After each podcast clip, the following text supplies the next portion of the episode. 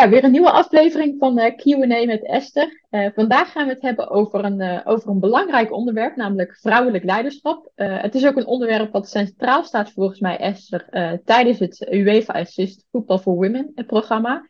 En de eerste twee dagen ben jij vooral met vrouwen in gesprek en coach jij ze en ja, stimuleer je ze en help je ze uit hun comfortzone. En heel belangrijk is dus daarbij vrouwelijk leiderschap. Maar wat, wat is vrouwelijk leiderschap eigenlijk volgens jou? Ik ga maar even andersom zeggen. Wat is vrouwelijk leiderschap volgens jou?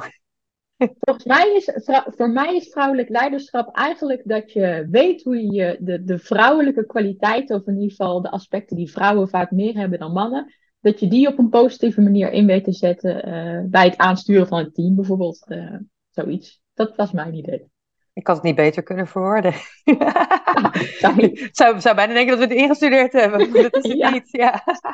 Nee, ja, nee, ja, dat is het eigenlijk. En, en wat ik zo mooi vind eraan, kijk, de vrouwen die in deze wereld werken, in, in een mannenwereld als de voetbalwereld, um, gaan toch heel erg, die, die zijn ook vaak, die hebben vaak wat meer masculine eigenschappen. Ik heb ook, als je mij omschrijft, uh, schrijft, altijd drijf, doorzettingsvermogen, daadkracht, allemaal van bam, bam, bam, we moeten maar gaan. En um, wat, wat gebeurt is dat dan op een gegeven moment, als je alsmaar doorgaat in die masculine energie, dan um, kan het zijn dat je jezelf een beetje kwijtraakt daarin. En het grappige is dat ik, nou, ik ben een jaartje of tien geleden ongeveer, um, ben ik in aanraking gekomen met de persoonlijke ontwikkelingswereld. ik zat toen zelf een beetje vast. Ik reed, ik reed uh, iets te lang op een rotonde rond. En uh, als je dan geen afslag neemt, dan, uh, dan, gebeurt er niks. dan gebeurt er niet zoveel of de benzine raakt op. En ja. dat moet je niet hebben natuurlijk. Dus op een gegeven moment is het van, ja, welke keuze maak je nou? En um, en ik weet, een van de eerste trainingen die ik volgde, toen uh, waren, werden de mannen en de vrouwen in twee verschillende groepen opgedeeld. En de mannen die moesten, mochten iets doen. dat was een beetje stoer en leuk. De vrouwen moesten wel een beetje zacht. Uh, en, en ik dacht alleen maar, ik wil bij die mannen zijn. Want dat vind ik veel leuker wat ze aan het doen zijn. En mijn trainer zei, je hebt het daar te zoeken. Je hebt het daar te zoeken. En ik dacht, yeah, right. Het zal allemaal wel. En nu besef ik zo goed hoe, hoeveel, uh, ja, hoe, hoe, hoezeer hij het bij het rechte eind had. Want dat is iets, wij verliezen vaak onze feminine eigenschappen. Op het moment dat we dus zo in de mannenwereld bezig zijn. Omdat we zo ja, gewend zijn op onze. We moeten bijna op onze tenen lopen om maar mee te kunnen. Terwijl als we die vrouwelijke kant veel meer gaan nou ja, omarmen, klinkt een beetje uh, zweverig, maar uh, als we die veel meer gaan opzoeken, dan kom je eigenlijk veel meer in balans. Dus wat bij mij heel erg kwam van, oh ja, juist die intuïtie, het empathische, um, Um, nou, ik ben veel meer nou ja, spirituele zaken ook gaan doen. Dat gebruik ik ook in mijn één op één training. Dus ik heb bijvoorbeeld visualisaties, meditaties. Nou, vroeger moest ik er echt helemaal niks van hebben. Maar ik heb gezien wat mij dat heeft gebracht. En het mooie was, ik had met een breinexpert had ik het daarover. En die zei ook, ja, maar nu Esther ben je in balans. Want jij was veel te veel naar de ene kant toegetrokken. Maar uiteindelijk nu sta je veel steviger, omdat het allemaal weer in balans is. En dan kan ik dus, als het nodig is, heb ik echt mijn mannelijke, mijn masculine eigenschappen.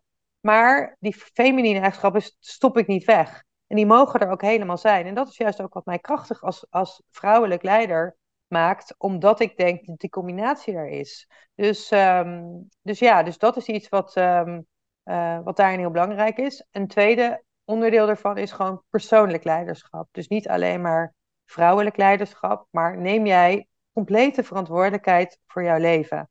En dat, dat geldt voor zowel mannen als vrouwen. Um, want er zijn te veel, um, te veel mensen die in de slachtofferrol gaan zitten. Deze week had ik toevallig al echt vier of vijf berichtjes in mijn inbox. En het is allemaal zo moeilijk. En het is zo moeilijk. En we krijgen geen kansen. Denk ik ten eerste, heb je alles er al aan gedaan om... Uh, ik zeg nee, ten eerste is het als je het maar blijft noemen dat het moeilijk is, ja, dan wordt het er ook niet makkelijker op. En je brein gaat ook geloven dat het moeilijk is. Het is echt zo, want ons brein kan niet uh, echt van, uh, van uh, nou ja, fake onderscheiden. Of niet fake, maar ik bedoel iets wat je verzint of wat, je, wat daadwerkelijk zo is. Dat kunnen ze niet van elkaar onderscheiden. Dus hoe meer je blijft zeggen dat iets moeilijk is, hoe lastiger het ook wordt. Maar daarnaast heb je ook alles eraan gedaan om daadwerkelijk die stappen te nemen. En dat is iets, neem jij volledige verantwoordelijkheid voor waar je op dit moment staat in het leven. Dus dat persoonlijke leiderschap, en daar kan ik uren over praten, zal ik nu niet doen, maar dat is een hele, hele belangrijke um, om stappen te maken. Want ja, op het moment dat jij niet verder komt, kan je ook eens eerst even in de spiegel gaan kijken, waar komt het door? En dan kun je die hele omgeving de schuld geven daarvan. Maar ga eerst maar eens jezelf aankijken. Heb jij er echt alles aan gedaan om te komen waar je staat? En ik vind dat ik recht van spreken heb, want ik weet hoeveel ik ervoor heb moeten doen. En mensen zien altijd alleen maar de, de, de shiny, uh, de, de positieve kant. Maar zien niet al die afwijzingen, alle bloedzwenen tranen, het keiharde werken, dat soort zaken. En ook alle, alles wat ik, de tijd en de energie en het geld wat ik in mezelf heb gestoken om al die stappen te zetten. Dus dat is iets wat um, persoonlijk leiderschap misschien nog wel een belangrijkere dan specifiek uh, vrouwelijk leiderschap. Uh, neem jij verantwoordelijkheid um, voor jouw eigen leven? Ja, nou, dat lijkt me een hele mooie om deze aflevering mee af te sluiten. En eh, mensen over te laten nadenken. Misschien heb je wel zoiets van, nou, dat is eigenlijk wel een goede, daar ben ik eigenlijk helemaal niet zo mee bezig geweest. Hopelijk kunnen we je daarmee inspireren. En mocht je nou over dit onderwerp of over andere onderwerpen nog vragen hebben, laat het dan ons vooral ook eventjes weten. Dat kan via de socials, dat kan via de YouTube-reacties. En wellicht eh, beantwoord Esther ze de volgende keer.